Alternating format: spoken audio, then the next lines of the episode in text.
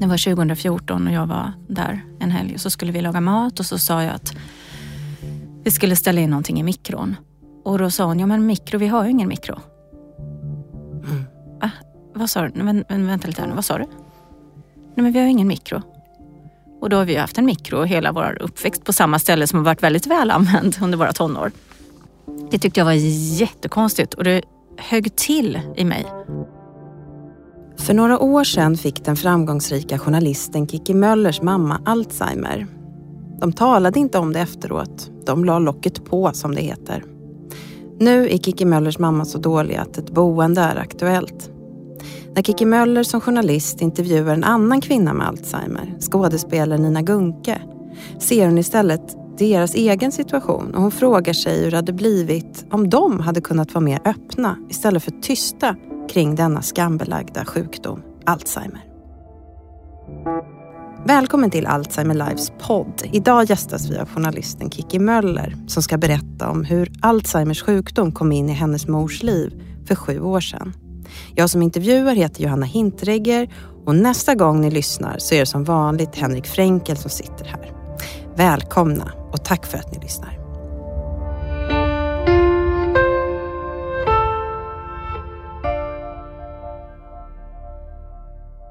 Tjena Kiki! Hej, tack för att jag får vara här. Du är ju här för att jag läste en intervju som du har gjort om Alzheimer i tidningen Vi. Och jag blev helt tagen. För du var modig. Du eh, vävde in din egen historia i en intervju med en annan person. Mm. Eh, kan du berätta lite kort bara om den, eh, det jag läste där i Vi? Ja, jag skulle intervjua Nina Gunke som ju har Alzheimer, det känner ju många säkert som lyssnar på det här till. Och så kände jag att det är helt omöjligt för mig nästan att sitta och intervjua en familj om hur Alzheimer har påverkat dem och så och ha den historia jag har utan att ta med det. Jag tyckte det kändes väldigt konstigt. Så då bad jag tidningen att jag också kunde få skriva om mig själv och liksom spegla min familj mot hennes familj, så jag gjorde det. Och då kom det att handla en del om att de är ju jätteöppna. Jag pratar med hela familjen om Alzheimer. Ett helt öppet samtal. Och det har vi aldrig kunnat ha i min familj. Och då skrev jag om skillnaden mellan det tysta och det öppna. Så kan man väl säga. Mm. Mm.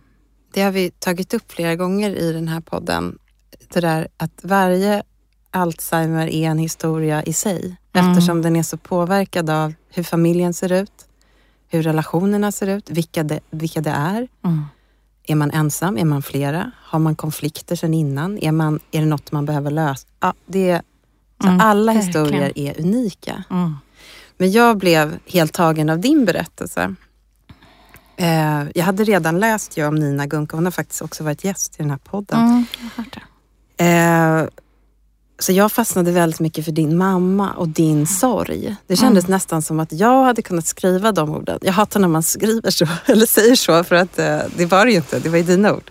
Men jag kände igen mig så mycket att jag kom, ville kontakta dig direkt. Mhm. Ja, Alltså, jag jag tycker bara det är det. skönt att du säger så. För Mm. att man behöver den där igenkänningen tror jag. Alltså jag tycker det är skönt att höra att du kände igen dig. Mm. Jag tror att det var en ärlighet. Och vi ska Mm. läsa upp några av eh, det du skrev också, så att Mm. alla förstår lite vad jag menar.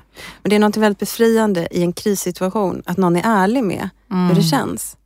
Mm. Att det inte känns så bra längre att samtala med sin mamma. Nej, Att det inte precis. känns så bra längre att åka hem. Nej, Att det inte är det där happy-go-lucky hela tiden. nej. Att man måste vara stark, utan nej, det är faktiskt skit. Ja. Jag, jag tyckte det var väldigt skönt. Ja. Ehm, det, den du intervjuar, Nina Gunkes familj, de är öppna med det som händer. Mm. Ehm, och din familj var tyst. Ångrar du det? Att ni inte vågade vara mer öppna i början? Verkligen. Fast vi försökte faktiskt. Vi har försökt flera gånger. Men det har inte gått. Varför inte? Mamma har blivit otroligt arg. Mm. Och i princip sagt att eh, vi bor inte i samma stad så då har hon sagt att ni kan åka hem. Jag vill inte, eller rest sig upp från bordet och gått. Och- Alltså när det bara varit ni som, i familjen som har velat prata om det. Mm. Ja. Eller när jag har försökt säga, men det, du har ju ändå Mm. du vet ju att du har lite problem med minnet. Och inte ens det har gått att säga. Uh, och det är en då kan man ju tänka så här, men det är inte så vanligt att man blir arg. Det måste ju ändå ha gått någon gång. Men den ilskan har varit en ilska som jag aldrig har sett hos henne innan. Den är väldigt obehaglig. Och då har jag känt att jag har backat. Mm. Och sen har jag inte riktigt vetat, är det bättre då att hon inte är så medveten om detta? Eller om hon nu är det, det vet jag inte riktigt faktiskt. Jag vet inte om hon är medveten om det här. Um, så vi har faktiskt backat. Och sen går tiden och det blir försämring efter försämring och till slut så känns det som att det är för sent. Nu tror jag att det är helt för sent att säga det här. Mm. Ja, så vi har varit tyst och det, det, har ju lett till att det har gått väldigt långsamt i vår familj. Det, vi är inne på sjunde året och fortfarande bor hon hemma utan hjälp. Liksom. Och då är det sjunde året. Det är din pappa som tar hand om mm. henne? Ja, jag menar det precis. Han utan är 86 någon, år insatser. Ja. Och ser inte så bra ut. Han är 86 mm. år, har en ögonsjukdom som gör att han är nästan blind och enormt trött såklart. Mm. Uh, så det finns ju också, jag vet ju att det är några år kvar. Mm. Det börjar bli väldigt slitsamt. Alltså, ibland när jag berättar om min familj för andra som är helt utanför den här världen så känner jag att det här är, det är ju helt galet vad vi håller på. Vi spelar ju mm. en teater. Mm. Hela familjen spelar ju teater runt henne. Mm. Vi hittar tider att prata när hon inte hör. Vi får ringa till pappa eh, på tider när hon gör något annat. Ibland bokar man in att någon av hennes väninnor ska komma och göra mm. något med henne så att man får prata i fred med pappa. Mm. Eh, det är en, en rätt galen teaterföreställning som precis som allt, så mycket som är helt dysfunktionellt blir ju till slut, känner ju många igen, normaliserat. Ibland så råkar man se på sig själv utifrån och sin familj men alltså det här är ju, hur lever vi egentligen? Vad gör det med en då? När man måste dölja det på något sätt? Döljer ni, har ni även behövt dölja det för andra vänner? Nej. Och Nej. Ni har liksom, mm, mm, det är mer för henne? I början ja. gjorde vi kanske det och pappa ville det. Men nu, ju mer tiden har gått så är det helt omöjligt. Alla märker det med en gång. Så det är för henne.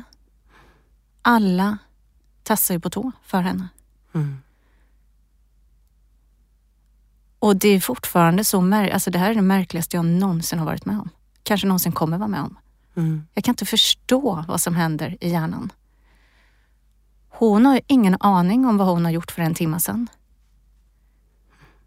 Och hon har ingen aning nästan om vad det är för månad ens eller så. Och ändå, om man säger, du vet ju det här med minnet. Då blir hon jättearg fortfarande. Mm.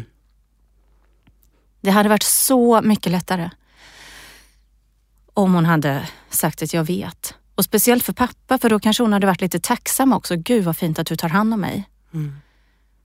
Eh, pappa hade en annan, han hade en vän som också är i 80-årsåldern som har en fru med Alzheimer och då tänkte jag, gud vad skönt att han får en vän i det här. Och det tyckte nog han också. Men så har han sagt det nu att han blir nästan, ja han blir avundsjuk på sin vän för att hans fru förstår det här och hon kan ändå säga att ja, det är ändå tur att du tar hand om mig.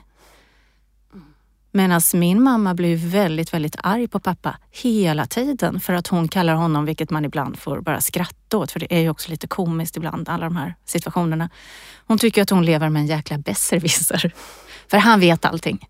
Mm. Och då vill man ju bara säga, ja, men det är ju för att han vet allting. Mm. Han vet när saker händer och han vet hur man gör det här. Och han vet kalendern. Mm. Det är inte besserwisser utan det är livet. Ja. Nej, så hon, så mm. pappa vårdar ju på mm. heltid och blir utskälld på heltid. Så kan man säga. Och ni också. Speciellt om man försöker ta upp något. Ja. Mm. Vilken skillnad. Jag, min mamma var ju inte så faktiskt. Eh, hon hade varit arg väldigt länge. Mm. Mycket konflikter med andra som säkert var på grund av Alzheimer. Men när väl diagnosen kom kanske hon var så pass långt gången eller då kunde vi prata om det. Oh, Gud vad skönt. Ja, det är det hela den här, jag gjorde en dokumentär då, för jag tyckte det var ganska unikt att mm. vi kunde sitta och prata om det. Varför glömde du den där påsen där? Ja men det är ju för att du är glömsk. Ja, är det är det? Är det det att jag har allt? Det är ju helt otroligt. Att vi kunde ändå sitta och prata tillsammans om det. Mm. Ehm, och eh, ja, och hon, var väl, hon är väldigt tacksam fortfarande. Hon kunde, hon sänkte garden faktiskt. Lite. Alltså, Kanske du- var för att hon Mm. eh, demetalliserades av Alzheimer. Innan var hon väldigt Mm. arg och stark. Och det kanske också var en del av det. Alltså i början, att man kämpar. Jag tror att vi har haft ett helt annat liv alltså. Jag blir Mm. enormt avundsjuk när du berättar det. Mm. Jag förstår det. Samtidigt som jag ibland kan fundera på, det är också så att det är en stor lycka, tycker jag, att hon verkar ha varit väldigt ångestfri hittills. Och då tänker jag att ja, det kanske också beror lite på att antingen har hon ju inte tagit in det eller så förtränger, ja, jag vet inte. Men ehm, det som är skönt med att vi inte pratar om det är att hon verkar vara ångestfri Mm. och vi låtsas och har oss. Mm. Ja, det verkar ju vara ändå någonting. Det är något lite positivt, men det, Ja. men det är ju också... Även om man är... Nu, nu är hon ju i ett sent stadie liksom. Mm. Fast hon har ändå vissa förmågor kvar. Hon har språket totalt kvar. Hon jag kan smsa fråga och dig, så. hur mår hon idag? Ja. Hon är ju en person som är väldigt pigg.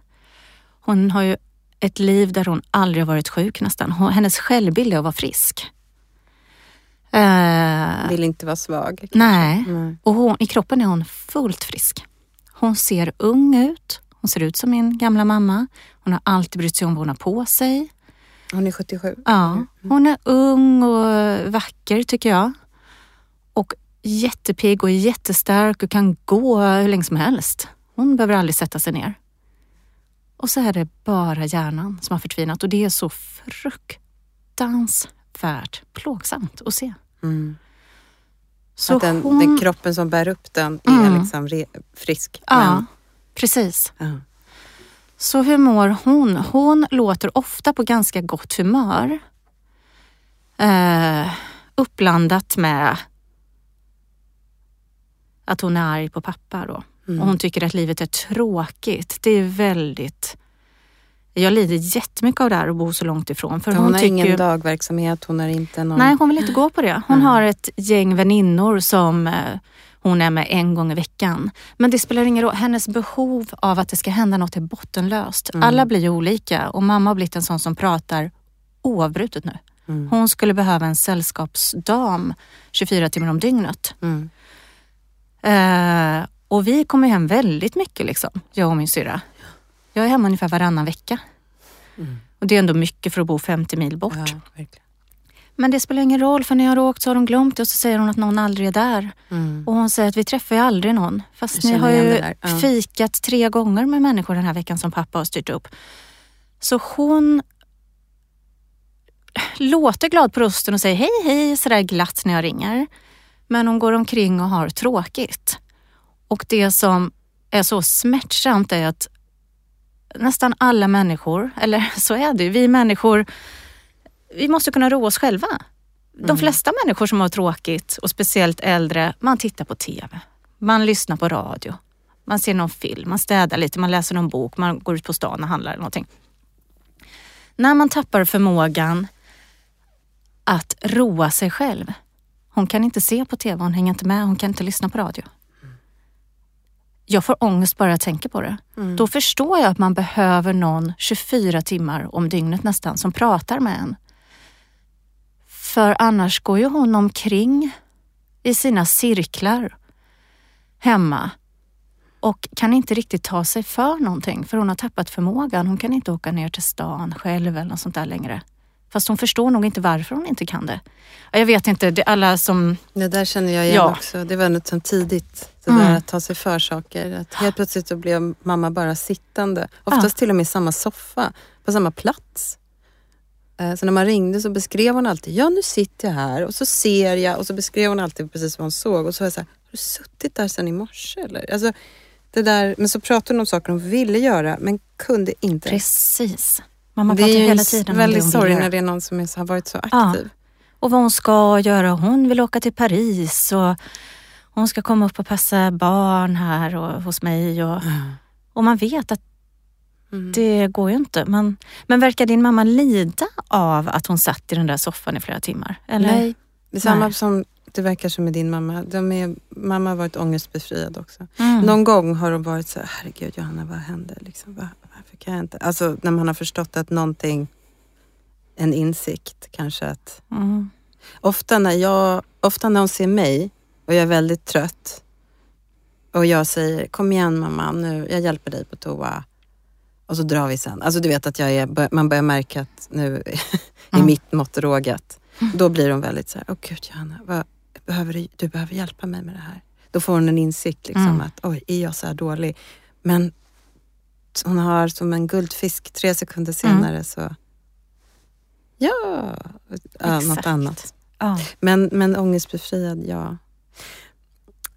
Um, om vi drar oss tillbaka lite till hur det började det här. Hur märkte du eller ni att något inte stämde? Jo, men jag har en, en helg, en vistelse som, var, som är väldigt tydlig. Det var 2014 och jag var där en helg och så skulle vi laga mat och så sa jag att vi skulle ställa in någonting i mikron. Och då sa hon, ja men mikro, vi har ju ingen mikro. Mm. Vad sa du? Men, men, vänta lite här nu, vad sa du? Nej men vi har ju ingen mikro. Och då har vi haft en mikro hela vår uppväxt på samma ställe som har varit väldigt väl använd under våra tonår. Det tyckte jag var jättekonstigt och det högg till i mig. Och sen nästa dag så satt vi ute och vi grillade, detta var sommar. Och så sa jag att men det här kan ni väl slänga sen på komposten. Komposten? Du menar i soptunnan? Nej, alltså eran kompost där bakom. Nej, då eh, visste hon inte heller. Så det var två saker den helgen som var väldigt märkliga. Jag vet att jag var jätteledsen när jag åkte hem, men jag tänkte faktiskt aldrig på Alzheimer. Vi har inte det i släkten. Mhm. Så jag tänkte att det var något som inte stämde. Mamma börjar bli gammal eller har någon hjärnskada? Mm. Alltså så tänkte jag. Utbränd, stressad. Mm. Det var... Så började det. Och sen har allt gått väldigt långsamt med henne, på gott och ont. Sen började Mm. upprepningarna jättemycket och det var då vi gick till minnesmottagningen. Fick, du, fick du henne att gå dit? Hon ville inte själv eller hur gick det till? Jag minns knappt nu efterhand. Mm. Men det var jag som fick henne att gå dit, jag och min syster. Jag har alltid, det tror jag verkligen du kan känna igen dig i om jag förstår situationen rätt. Jag har handskats bäst med mamma. Jag har stått henne närmast. Och allt funkar bäst om jag gör det med henne. Mm. Jag kan ta henne på bäst sätt. Det är ju en ganska stor tyngd också att ha på sig. Ja, jag har förstått det. Eh, Jag har också sett det som... Ja, Hon litar på mig, Mm, 100 procent. Men det är också en, det är en tyngd. mm. Jag har förstått det nu. Mm. Fortsätt. Nej, för att ja, men jag, tar, jag tar självmant på mig de svåraste sakerna för jag vet att det är då det kommer funka. Mm. Hon blir också liksom väldigt glad när jag kommer hem. Och, Mm, stolt över dig. ja, Du, hon har Mm. hört dina saker som du har gjort. Och, mm. ja. Har du det från henne? Att uttrycka dig, alltså det här att vilja skapa saker kreativ? Kanske inte ord och text riktigt. Det vet jag faktiskt inte riktigt var jag fått ifrån. Mm. Men med händerna, som jag också gör Mm. ibland. Mamma har ju sytt mycket och, liksom, Mm. och så. Ja. Mm. Mm. Nej, men sen som sagt har det gått långsamt och sen så till slut så glömde hon ju. Sen var det en annan sån här moment, jag kommer ihåg ett ögonblick när hon var uppe hos mig här och så träffade vi en kompis till mig på gatan som sa, vad har ni gjort idag då? Och så tittade hon på mamma. Och mamma kunde inte svara, vad, vad, konstigt tyst hon blev. Mm. Och sen inser jag plötsligt, hon minns inte vad jag har gjort idag på förmiddagen. Och då fick jag också en isande känsla av att nu har vi gått ett steg, ett snäpp till. Mm. Och sen har det fortgått så. Hon har varit på samma nivå väldigt länge och sen har det kommit ett hack liksom. Det är vanligt. Mm. Ja, den, att det hela tiden går sakta neråt men de där... Ja. Nu visar jag som på en, en sån där... Och nu är vi där hon inte håller ihop vilka, vad, vad, vilka människor det är. Liksom. Vilka vi är och så. Där är vi nu. Men hon känner igen dig men hon... ehm, Ja, hon känner igen mig och mm, det är från timma till timma. mm, Ena timman är jag hennes dotter och, som vanligt. Nästa timma är jag en släkting. mm, Och nästa timma igen är jag hennes syster. mm. Det här var ju jätteviktiga år för dig. Mm. Du har gjort en dokumentär om något annat som pågick under de här åren och det Mm. var ju när du blev ehm, förälder på Mm. egen hand Mm. till din son. Ehm, kunde hon vara med på det här? Ja, jättemycket. Hon kunde det? Ja. När du blev mamma? Och, ja. Då var det begynnande och det gick väldigt långsamt. Så hon var här jättemycket hos mig. Hon Mm. åkte ju liksom hit varje månad. Och kom supernära min son och jag är så tacksam för det. Mm. Så han kommer Verkligen. ihåg din, din mamma? Absolut, de står ju varandra fortfarande jättenära. Vad fint. Ja, det kommer jag vara evigt tacksam för. Sen har det börjat slå mig nu lite grann, sådana här väldigt stora livsomvälvande saker kan ju ta flera år att processa. Och sen kan man se sig själv lite utifrån och bara, men gud vad är det egentligen som har hänt? Och nu så har jag börjat inse vilken otrolig otur eller vad alltså, Mm. Sen var det man hade kunnat ha det värre, ännu värre så kan man ju alltid säga. Liksom, jag fick ju som sagt var då de första åren en jättebra mormor. Men där skaffade jag barn själv. Liksom. Och jag hade faktiskt räknat med att min mamma skulle vara någon slags medförälder i minst tio år. Såklart. Ja. Och så blev det så här och det kan jag verkligen bli så otroligt, jag blir nu när jag pratar om det faktiskt, jag blir så otroligt ledsen för det. Ja. Jag vet. Jag, ja. Ja. Du vet ju Det precis. är så orättvist. För det finns en sån dubbel, alltså jag menar, Ja. det är ju så här, det känner du igen. Jag har förlorat min mamma Mm. Som stod mig extremt nära. Och det är din också. Det räcker ju, tycker man. Men sen kommer det här nästa sorg. Att mitt barn har förlorat sin mormor. Mm. Det är en dubbel. Det är två förluster igen. Ja. Ja. Jag tänkte på det nu. Jag, jag blev ju mamma igen i, för snart ett år sedan. Första gången jag blev mamma, då hade hon precis fått diagnosen. Då kunde hon ta sig till SÖS, alltså Södersjukhuset här i Stockholm, från där hon bodde. Ja. Jag gav tydliga instruktioner. Hon kunde ta sig dit. Så hon var liksom den första som utifrån som höll Ja. min lilla dotter då. Ja. Smulan som vi kallar henne. Och eh, jag kommer ihåg att hon satt i det där BB-rummet och det luktade så illa för vi hade inte vågat inte öppna fönstren. det var liksom så där intimt. Och att jag var, jag var så glad liksom, att mamma kunde komma dit i alla fall. Hon Mm. klarade det. Mm. Men eh, nu så var det helt, helt, helt omöjligt. Nu kan hon inte ens, hon kunde inte ens ta sig utanför dörren liksom, den här gången.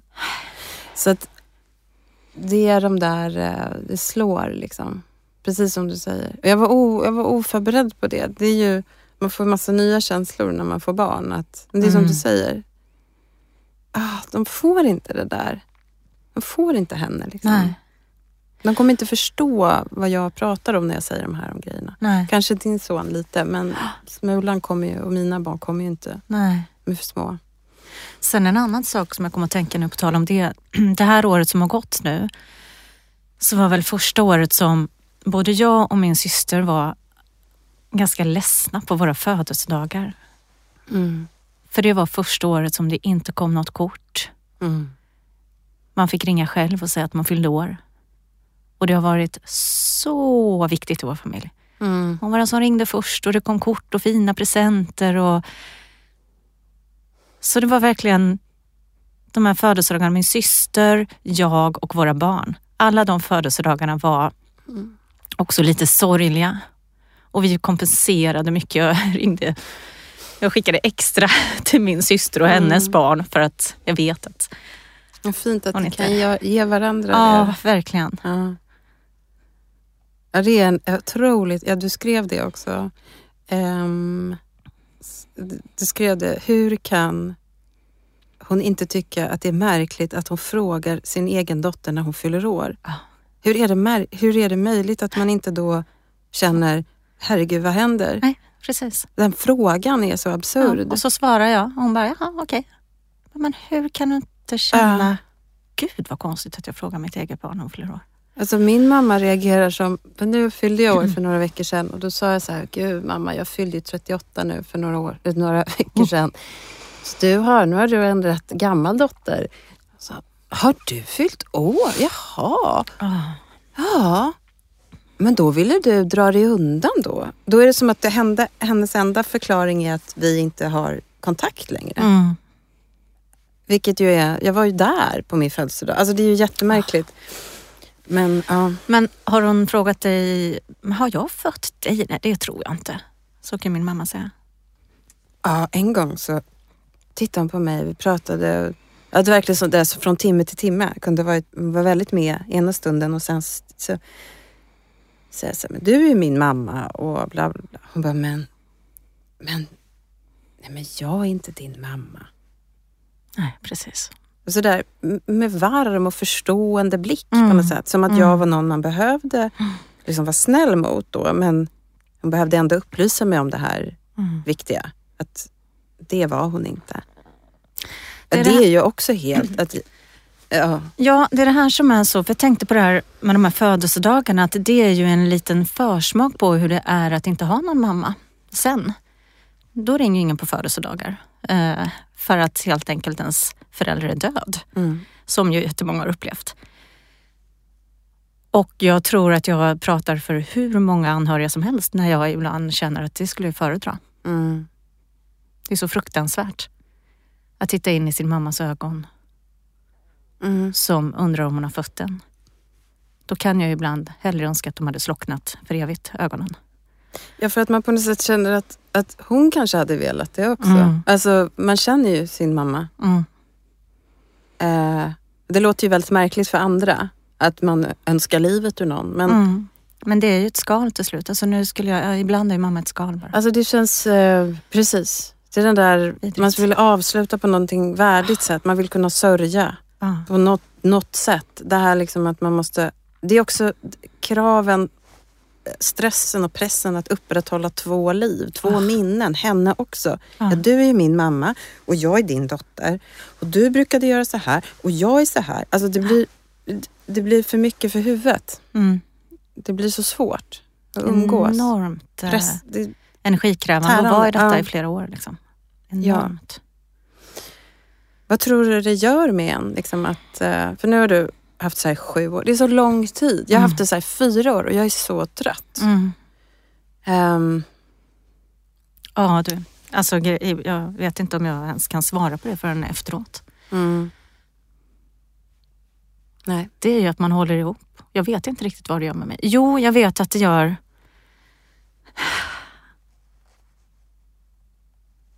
Man lever ju dubbla liv. Om någon frågar hur det är så tänker jag, ska jag svara bara på det ena livet? Då säger jag bra. Ska jag svara på båda liv säger jag bra och dåligt. Ska jag svara på det ena andra livet säger jag dåligt. Vad svarar du om någon frågar, hur är det med din mamma då? Ja, jag vet att jag och du pratade om det här en gång inför mm. den här mm. intervjun och jag känner verkligen igen mig i det du sa.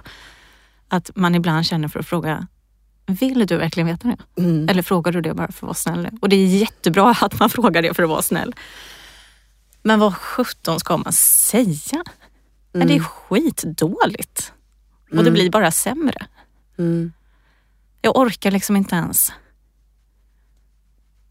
mm. ta upp det hela tiden. För det är också lite jobbigt och därför tycker jag det är så skönt att prata med dig och andra anhöriga. Att till slut känner man ju att folk tröttnar på att man ska hålla på och prata mm. om det här och älta det här.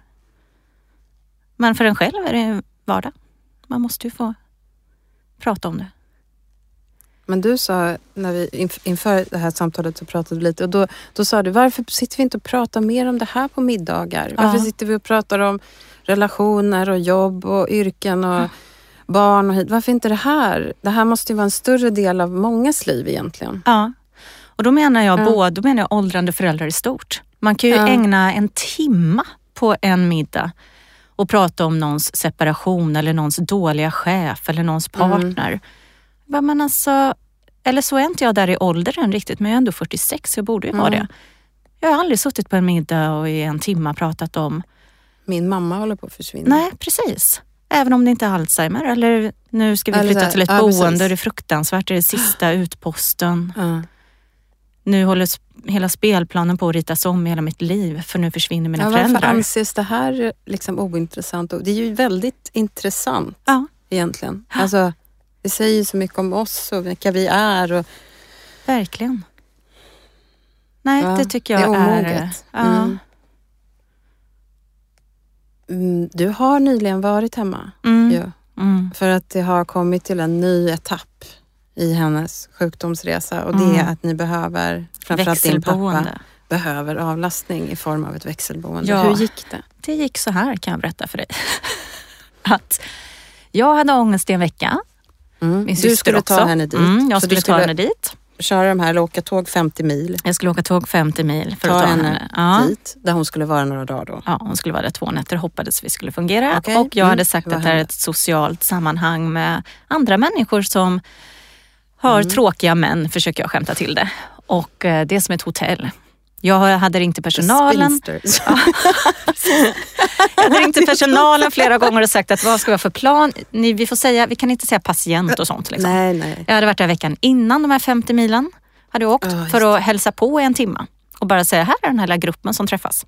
Du tog med henne dit så hon Ja. se då. Ja. Mm. Och jag fotade och sådär. Hur det såg ut där och sen åkte jag 50 mil och så skulle vi dit. Och jag hade så fruktansvärt ont i magen. Och på morgonen när jag vaknade så fick jag några fina sms från några kompisar. Så jag tänker på dig idag, liksom det är en stor dag. Schysst. Vi ska åka dit klockan två. Klockan elva ringer de och säger hej, vi har skyldighet att meddela att vi har fått covid här. Mm. Alltså jag höll på och fan, alltså. Ha, då, fick jag ju, då var jag tvungen att fråga pappa, hur ska vi göra? Och eftersom det är sån teater hemma så måste jag låtsas att jag ska gå ut och kolla i brevlådan när pappa står ute på tomten i deras Som en villa. tragikomedi. Mm, för att jag typ. jättesnabbt, eftersom mamma blir så arg när jag pratar med pappa, för då blir hon svartsjuk och paranoid. Jättesnabbt säger jag till pappa, pappa jättesnabbt, vi måste ta beslut. Covid på boendet, hur ska vi göra? Samtidigt som jag tittar över axeln bara, och nej där kommer mamma ut snart. Svara, hur ska vi göra? Jag måste ringa. Sugen på aktivitet är det Ja, mamma då. precis. Vad gör ni, vad gör ni, vad gör ni liksom? Ja, och då sa pappa som är 86 att nej, då hoppar vi faktiskt över det. Det vill ändå inte jag dra hem. Hä, ring och ställa in och luften gick totalt ur mig. Vi får göra om det här någon annan gång. Och mamma, det, alltså, det gick mamma helt förbi. Hon kom inte ihåg att vi skulle dit. Så att det var ju inte... Ja, så gick det med den grejen. Och när jag tänker på det så känner jag, herregud, alltså jag måste verkligen ta en vecka i taget. Om jag tänker på alla steg som jag har framför mig. Mm. Det har gått sju år. Jag menar, hur många år har vi kvar? Två, tre, inte vet jag. Man ska in på boende, man ska oroa sig för det på boendet, man ska bli sämre, man ska... Ja, jag får ju så skräckscenarior att vi har flera år kvar och att det här kommer ta tio år av mitt liv. Mm. Så blev det liksom. Det är eh, tufft. Mm. Ja. Gud, jag känner verkligen igen det där när liksom resten av samhället eh, kapitulerar eller någonting i samhället inte fungerar. Då blir det en enorm belastning när man har hand om någon med Alzheimer eller Mm. demens. Alltså Mm.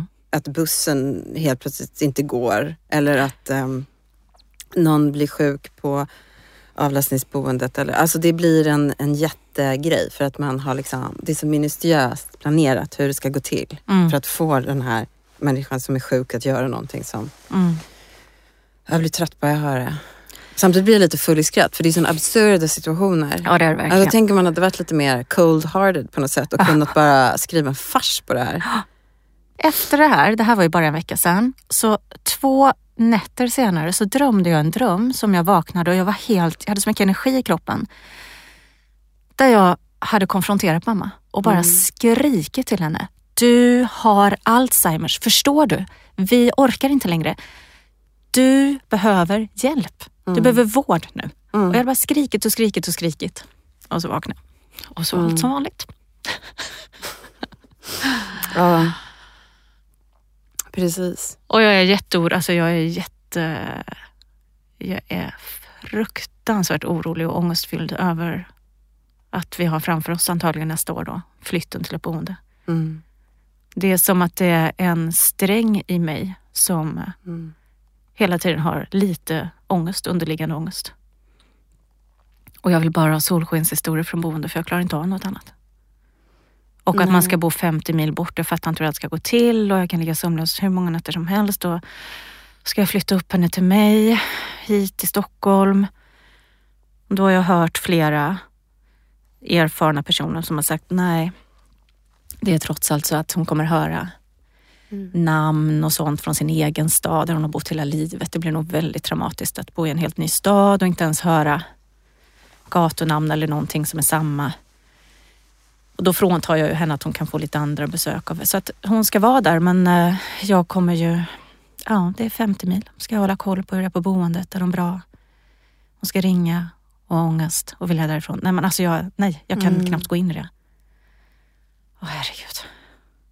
Nej, jag har också en sån där... Har, vi har ju Alzheimer i min familj, så jag har hela tiden min mormors eh, historia liksom som en erfarenhet. Och jag vet inte om det är bra eller dåligt, för att, som jag vi sa där i början, det är ju aldrig samma sak. Alltså, inte heller själva sjukdomsförloppet är ju samma sak. Det kan ju Nej. gå mycket fortare eller långsammare eller på ett annat sätt. Man kan bli arg, man kan bli snäll. Man kan, alltså, det kan ju gå åt så olika håll. Så, men, men det var ju samma som det, den som du befarar. Det var ju 15 år liksom, av... Och på slut, de sista åren var ju bara ingen kontakt alls. Det här helt meningslösa som man känner själv så här, men varför gör någon där uppe det här till oss? Mm. Den här, att man ska behöva leva med det. Mm. Dels som sjuk men också som, som anhörig. Det, det, det, är min, det är min största ångest också. Och det har det varit från början. Däremot vet jag inte om... Jag har ju flyttat min mamma till ett boende. Hon Mm. bor ju inte längre hemma. Nej. Eh, I mars förra året, så flyttade, eller det här året i mars flyttade hon till ett boende. Och det var inte så dåligt som jag trodde. Mm. Utan jag hade tagit ut väldigt mycket innan. Så Mm. när väl beslutet tog, jag gick med den här ansökan till biståndsanläggaren i min väska i två månader. Mm. Jag fick inte iväg den tillsammans med framtidsfullmakt, tillsammans med intyg från läkare och ehm, hemtjänst och allting. Jag gick höggravid med tvillingar med det här brevet i fickan. Eh, i, i, och till slut så sa jag så till min man, så här, kan du posta det? Jag måste göra det, Oj. men jag kan inte. Och så Ah. gjorde han det. Och så ringde de typ två dagar innan julafton, pre- precis ett år sedan då, och sa hon har fått en plats. Eller du, ni har beviljats, förlåt, hon, ni har Mm. beviljats men eh, vi får vänta på att en plats kommer. Ehm, men det blev inte, det, jag hade tagit ut det innan tror jag. Ja, Som du, vi Mm. verkar lika där, att vi oroar oss mycket innan och då när det väl var, då, då var det som det var på något sätt. Åh, Gud, Det har blivit höra. bättre efter Ja. det. Ja. För mig och för henne. Mm. Även om sorgen är ju liksom lika stark tycker jag fortfarande. att ja. Ska jag berätta om mitt senaste besök där? ja. Jag, ehm, hon bor på ett boende som ligger här i Stockholm men det ligger lite utanför i Nacka. Mm. Så att det är väldigt vackert där och så. Vi tänkte mycket på det. Det skulle vara nära oss. Mm. ta bara en kvart med bussen och så skulle det vara fint, liksom, så man tycker om att åka dit. Och gå ut och gå och nära naturen och så. Och så skulle man få kunna ha djur där, för hon har ju en hund, en stor svart labbe som jag har nu, som hon älskar. Och eh, ja, så skulle det vara allt det där andra som man kan titta att det är bra personaltäthet och utbildad personal och allt sånt där. Och bra käk och så. Men mitt senaste besök så var jag helt slut. Vi har haft så sjukdom hemma. Jag har ju tre små barn nu. Eh, och vi har haft eh, förkylningar och alltså skrik i två veckor för alla har varit hemma. Mm. Ehm, och så helt, eh, av någon mystisk anledning så kunde min man ta barnen. Så att jag tog hunden Mm. och åkte till mamma. Och jag kände vägen dit, jag är helt slut liksom. Jag orkar inte. Ska jag komma där och nu bara glättigt, ska vi fika? Jag hade med mig några lussebullar som jag hade hittat i frysen. Eh, det var så kallt också, jag åkte fel med bussen, jag åkte en station för långt, så fick liksom pulsa genom snön. Det var i och för sig vackert, men ja, det var lite så här. Mm. Och så kom jag dit och så ser personalen att jag kommer och då var de så här schyssta, de bara hämtade henne. Jag behövde inte gå i allrummet och liksom säga hej till de andra personerna som typ tittar ut i, typ tittar upp i lampan eller vad, vad de nu gör. De är ju inte alla med så mycket. Jag behövde inte ta, utan jag, de bara tog in henne till rummet, till hennes rum. Mm. Och så kände jag bara så här, jag bara, jag, jag bara så här, mamma kan inte vi bara lägga oss på sängen? Så vi bara la oss i hennes sån här, hon har ju en sån här lite sjukhussäng. Mm. Liksom. På hennes gamla överkast som hon alltid haft som är så väldigt skönt och så mjukt. Och, och så låg vi där och vi låg bara där och hon höll om mig i typ två timmar. Nej. Och Charlie hoppade upp, hunden också. Det var otroligt varmt i hennes rum. Hon skruvar tydligen upp Ja. kostar mycket el nu. Men eh, så det var otroligt varmt. Och jag bara låg där och det var tyst. Och jag bara hörde lapp. Men det, var ju väldigt skönt för mig. Jag behövde ju det. Jag behövde inte någon aktivitet. Jag behövde ju bara... Och hon låg och höll om mig. Hon klappade mig sådär försiktigt. Inte alls med den där fasta liksom, handen som hon brukar. När hon ger en kram. Så det var lite mer försiktigt sådär. Men det var så länge sedan. Jag lät henne liksom bara hålla mig. Och så låg vi så. Och jag tror jag somnade en liten stund och, och hon var lugn. Och jag sa är du orolig för någonting? Och, Nej, sa hon så här, åh vad jag... Ja, och så bara var det så. Gud, jag blev helt gråtfärdig när Vi gjorde ingenting liksom. Nej. För det är det jag annars gör när jag Ja. kommer dit. Också tror jag får inte känna. Jag gör Ja. allt. Jag liksom anmärker på det. Jag ser till att personalen ska det. Nu ska vi fika. De andra, de andra boende ska med och snacka och vi ska minsann höja kvaliteten på allt det här. Jag, Mm. jag blir en otrolig doer. Liksom. Men då lät jag bara henne vara min mamma och hålla jag, mig. Hur kände du när du åkte därifrån? Var du inte så ledsen så, du... Ja, men jag kände så... Nej, jag kände att det var så bra. Ja, okej. Jag kände mig så... För jag kände att hon hade fått någonting av det. Ja. Jag tror att det, man har ett behov av att få ta på sitt barn Mm. hela livet. Ja. Jag tror inte det försvinner. Nej. Alltså, är superstarkt nu när jag har bebisar, då är man ju, vill man ju hålla. Men jag tror att hon också har känt det och jag har varit tvär. Jag, det är svårt med allt. så. Man blir arg, man, man vill göra... Mm. Du förstår säkert vad jag menar. Så det var Mm. väldigt fint att få bara så här, Mm. låta henne få krama mig. Mm. Och Charlie var ju supernöjd. För hon var, fick ju gosa med honom också. Så, så det blev, jag kände att det där var helt rätt. Egentligen är det kanske det vi borde göra varje vecka när jag åker dit bara. Ja, verkligen. Istället för allt det här, göra fint och... För det är ju bara yttre. Mm. Det hade ju inte varit möjligt hemma hos henne, tänker jag. Det kanske inte hade varit möjligt för dig heller att göra det hemma nu, när du kommer hem till dem. För då är det så mycket annat kanske att göra. Ja, men på kvällarna så sitter Mm. jag och mamma liksom. Mm, Och jag försöker ta i henne. mm. För jag vet ju att det betyder mycket liksom. Blir hon, tycker hon det är skönt? Hon kanske blir lite förvånad på något sätt. Men jag försöker liksom klappa lite på henne liksom. Ta henne om axlar, alltså sådär Mm. liksom. Men det är ju så att hon har ju hittills, hon bor ju ändå med pappa, så att hon Mm. har ju en människa Mm. i sin närhet. Jag tänker jättemycket på hur man ska lägga upp det. Nej, men det är ju många som bor långt ifrån sina föräldrar som har Alzheimer. Jag tänker jag får se det som att jag har fått ett nytt jobb där jag måste åka på en eh, jobbresa en gång i veckan kanske. Så kanske jag kan se det. Mm. Och så jag dit en gång i veckan. Och är där ett dygn. Nej men alltså gud, Det det, blir för mycket. Det blir för mycket. Varannan då. Mm. För det kommer ju inte bli bara en timme eller två utan då blir det ett dygn. Annars är det ju ingen, då är man ju där. Och så Mm. får jag bara tanka liksom närhet och så med henne. Ja du hör ju, jag oroar mig jättemycket framåt. Och vem vet vad som händer? Det kanske händer en... Men då kanske du Olika. är som jag, att du tar ut oron nu Mm, ja, och så lättar det sen. jag hoppas det. Men sorgen lättar inte, tycker jag. Nej. Den finns där hela tiden. Mm, Det är som att den har ett eget rum igen och, och så lär man sig leva med det. Typ. Men mm. ehm, hur tycker du att reaktionerna från yttervärlden, från vänner och så har varit under den här resan? Alltså väldigt stöttande. Det finns ju väl Du ingen gick i en anhöriggrupp också, Ja, eller det gjorde hur? jag. Mm, Ja. Det var jättebra. Mm. Ett tips. Ja, verkligen ett tips faktiskt. Det var för vuxna barn. till föräldrar med Alzheimer. Nej men alla är jättestöttande och så. Vad ska man göra? Vad ska man säga? Men, men sen så förståelse på riktigt. Det kan man ju faktiskt bara få av någon som har erfarit det här själv. Jag hade aldrig i mitt liv själv förstått vad det här var Nej. innan.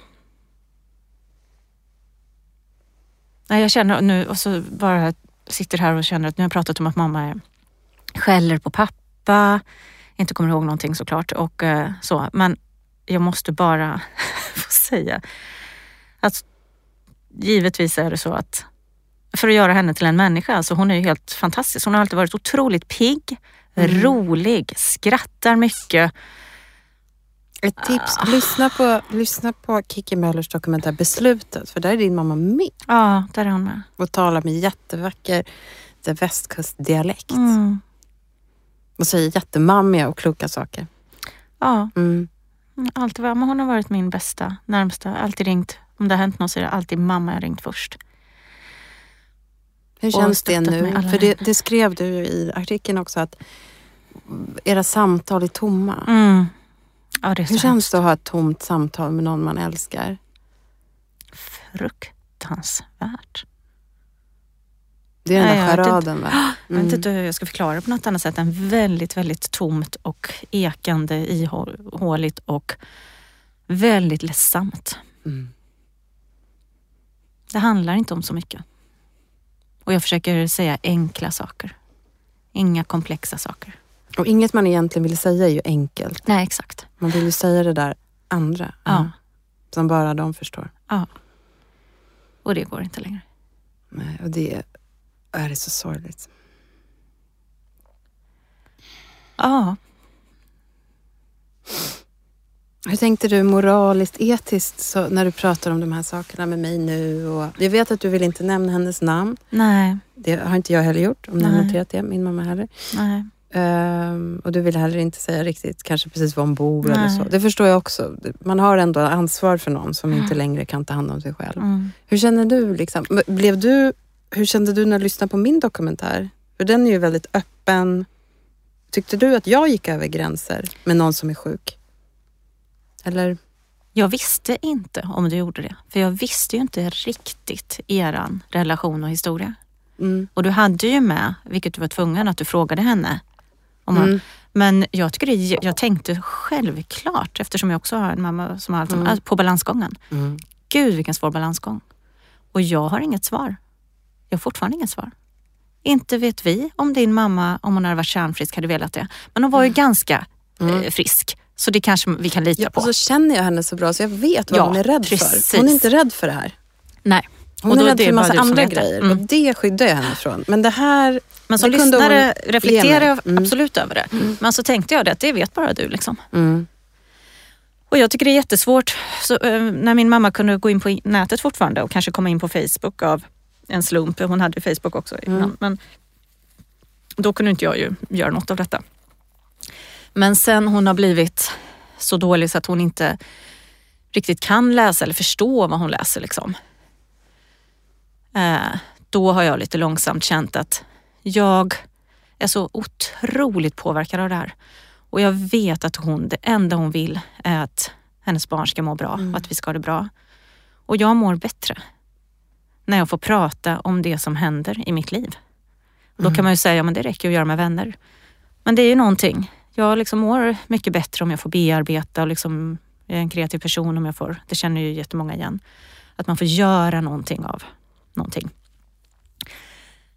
Så nu så känner jag att det går bra, det kommer aldrig komma henne till. Men jag har tänkt på det här, undrar om jag ska dela den här podden sen. Det kan ju ändå nå kanske några av hennes vänner som är på Facebook. Alltså sådär. Uh, ja, det är svårt. Sen hade jag velat göra, liksom kanske spela in eller så eftersom jag också håller på med radio. Det här, jag hade en tanke att göra en dokumentär som heter Mamma flyttar hemifrån. Mm. Men där, nej, det vet jag inte alltså. Det är svårt. Hade hon velat det? Mm. Så det har jag lagt på hyllan. Mm. För att skildra liksom. Vi kanske kan spela in det. det. Ja, det kanske kanske kan spela kan in det. Det är som en eh, kompis till mig som är fotograf. Mm. Det kan man ju säga vad man tycker om. Men han säger ta bilden och tänk sen. Ja, Du behöver inte publicera det. Nej, faktiskt. Det kan vara för dig. Det kan vara för din son. Ja, ja det har du Det är faktiskt helt rätt i. underbart med en röst. Det var bra att du sa det. För det var så jag började. Det var bara att jag ville ha henne. Jag ville liksom bevara henne. Jag ville stanna tiden på något sätt. Mm. Jag ville så lägga min mamma i en ask. Mm. Jag ville inte att hon skulle tyna bort. Nej, precis. Och då är ju- Ja, jag har ju den där dokumentären. Jag orkar inte lyssna på den. Jag har inte lyssnat på den sedan den publicerades. Nej. Jag kommer inte lyssna på den flera år. Men någon gång kommer jag göra det. Mm. Och kanske min dotter eller Ja. mina söner. För- Ja, gud, det är så fint. Liksom. Det är så tacksamt. Mm. Vad saknar du mest med din mamma? Att diskutera olika saker. Nu funderar jag på det här och det här. Hur ska jag göra? Och få vettiga och roliga och tänkvärda och kloka svar. Och eh, ta emot hennes råd och leva efter hennes råd. Det saknar jag. Hur ska jag göra med det här? Ska jag ta det här jobbet eller göra det här? Eller hur ska jag göra med det här? Det saknar jag jättemycket. Och så saknar jag jätte, jättemycket, nu kommer jag på vad jag saknar ännu mer. Att åka till centralen och möta henne på tåget. Och så kommer hon pigg och glad. Mm. Eh, och jag vet att åh, nu har vi några dagar framför oss och vi kan gå på museum och vi ska gå ut och dricka vin och vi ska, Hon får ta hand om dig lite. ja och det är Mm. som en kompisrelation. Hon vill gå på det jag vill och hon Mm. går in på vilken bar som helst. Vad kul, hit går vi. Ska vi ta ett glas vin till? Alltså det är Ska något väldigt bio? underbart att vara med en människa som, ba, som helst av allt bara vill vara med en. Ja, precis. Av liksom alla så här, åh min dotter, jag ska få, alltså, precis. att man har fått känna det. Faktiskt, att man någonsin fick. Men, Men, det eh, saknar jag mm. absolut mest. Att ha en helg med henne här. Mm. och gå ut och göra grejer och sitta och dricka vin ute på restaurang och bara prata. Ja. Ja, det. Mm. Det saknar jag. Mm. Stor, stor, stor förlust. Jag tänker i det som ni, jag menar för då säger du kan väl gå ut och dricka vin med någon vän eller något. Men i det där ligger ju att du är med någon som känner dig utan och innan. Mm. Och den där liksom, att man får vara med någon som älskar en så mycket. Mm. Som ens förälder förhoppningsvis gör. Mm. Och din mamma ju gör. Mm. Alltså det är någonting, det gör en så gott. Verkligen. Det är en sån säkerhet, en sån trygghet. Man kan Mm. tanka som du säger. Mm. Det är det jag saknar också. Det känns som jag har lagt alla ägg i en korg. Mm. Det är henne jag kunde vara helt ärlig med mig själv. Ingen tacksamhet, ingen skam, ingen... När jag behövde hjälp så jag bara, kan du komma? Det var inte sådär, ah, det här kommer jag få höra att jag var så dålig eller något om, om några månader eller något sånt. Ingenting alls. Hon bara, ja, jag kommer. Eller, jag kan inte komma just nu men jag kommer sen. Eller, du är bra, det här, vi fixar det här. Mm. Den där lojaliteten och den där kom, ren bara kärlek. Det känner jag. Jag la allt, alla ägg i en korg hos henne. Och nu försvinner hon. Hon har glömt det här nu. Men jag glömmer inte. Ja. Ah, gud, helt... ja, Så jag tror vi saknar precis samma där. Vem vet, för att vara riktigt deppig här på slutet. Mm. Om man någonsin, någonsin, någonsin får en sån person. Nej, jag som tror, är exakt, det får man väl jag inte. tror liksom. inte att man... Det var det. Man har bara en mamma. Mm. Man har bara en moderskärlek. Liksom. Ja. Man kanske får det... Om man kan känna den kärleken för någon annan. Sina egna barn eller Mm. Något liknande kanske. Mm. Då kan man få den där absoluta tryggheten. Eller... Men, men nej, helt samma sak är det inte. Vi måste avsluta det här på Mm. något sätt. Ehm, när vi spelar in det här är det snart jul. Mm. Hur tänker ni kring julen? är en jobbig högtid om man har en Mm. make eller maka med Alzheimer eller en mamma eller pappa med det eller någon nära. Det är en jobbig högtid, upplever många. Hur kommer, du, hur kommer ni göra? Jag har alltid firat med mina föräldrar. Ända tills förra året. Då var det, det blev för rörigt liksom. För henne med alla människor och så. Mm. Så vi gör som förra året. Jag åker till min syster i Halmstad. Sen på juldagen åker vi till Vänersborg och låtsas att det är julafton. Och det kommer sticka till i hjärtat på julafton flera gånger. Mm. Att mamma och pappa är ensamma. Mm. Men så får det bli. Hur gör ni? Jag kommer låtsas att det är julafton några dagar innan julafton istället. Mm. Um, och uh, dels på boendet och sen har jag tänkt vi ska hinna gå på någon liten kyrkokonsert eller någonting mm. innan. Och baka kanske några österrikiska julkakor hemma hos mig. Jag har stora planer. Oftast blir det ju inte så, men man kan ju tänka. Mm. Um, men um, ja, men det är första gången jag inte firar med henne. För mm. själva julafton kommer jag vara hos min syster mm. första gången och um, de ska ta våra barn. Alltså så jag ska få sova. Jag och min man ska få sova en hel natt. Och vi ska bo på hotell. Vi ska äta hotellfrukost. Så att jag kommer liksom koppla bort på något sätt. Mm. Jag känner att det är det jag tänker på mest. Inte så mycket på julen utan jag tänker på det här att jag ska få vila. Mm. Um, och jag jag vet att mamma hade velat det, det här. Hon hade mm. inte vill, velat att jag tog hand om henne också när hon ser, om hon hade sett hur mycket jag har just nu. Så att, men det är ändå svårt, precis som du säger. Jag kommer känna där, där sitter hon nu på boendet. Eh, fast jag vet att om det är någon dag så är det just julafton är väldigt mysigt på ett demensboende. Mm. Det är god mat, det är liksom sjung. Det är, om det är någon dag så är det ju då som man egentligen kan ja. lämna. Men jag är samtidigt så otroligt ledsen att det inte går på något annat sätt. Mm. Det är liksom, ja. Mm. Jag förstår. Mm. Ja, vi avslutar i moll. Tack ja. Kiki Möller för att Tack, du så snälla. öppenhjärtigt har berättat om vad som kan hända i ens liv. Vad som händer. Mm. Vad som är lite annorlunda med det här samtalet är att vi är två kvinnor mitt i det här. Våra mm. mödrar håller på att försvinna i detta nu. Mm. Det är någonting med att göra det när det brinner istället mm. för efteråt. Så jag är jättetacksam att du vågade göra det här med oss. Tack snälla. Artikeln vi har snackat om kan ni läsa i tidningen Vi och är skriven just av Kiki Möller. Och eh, alla radiodokumentärer och annat arbete som eh, du har gjort Eh, för Sveriges Radio finns ju på Sveriges Radio hemsida. Gå in och lyssna. Och tack för att ni har lyssnat på oss. Tack från Alzheimer Lives podd och från mig, Johanna Hintregger. Bloggen och podcasten Alzheimer Life har också en insamling till förmån för kognitiva sjukdomar. Ni kan hitta den på vår hemsida alzheimerlife.se och den görs i samarbete med Alzheimerfonden. Podden och bloggen produceras av stiftelsen Alzheimer Life och görs på Beppo. Beppo.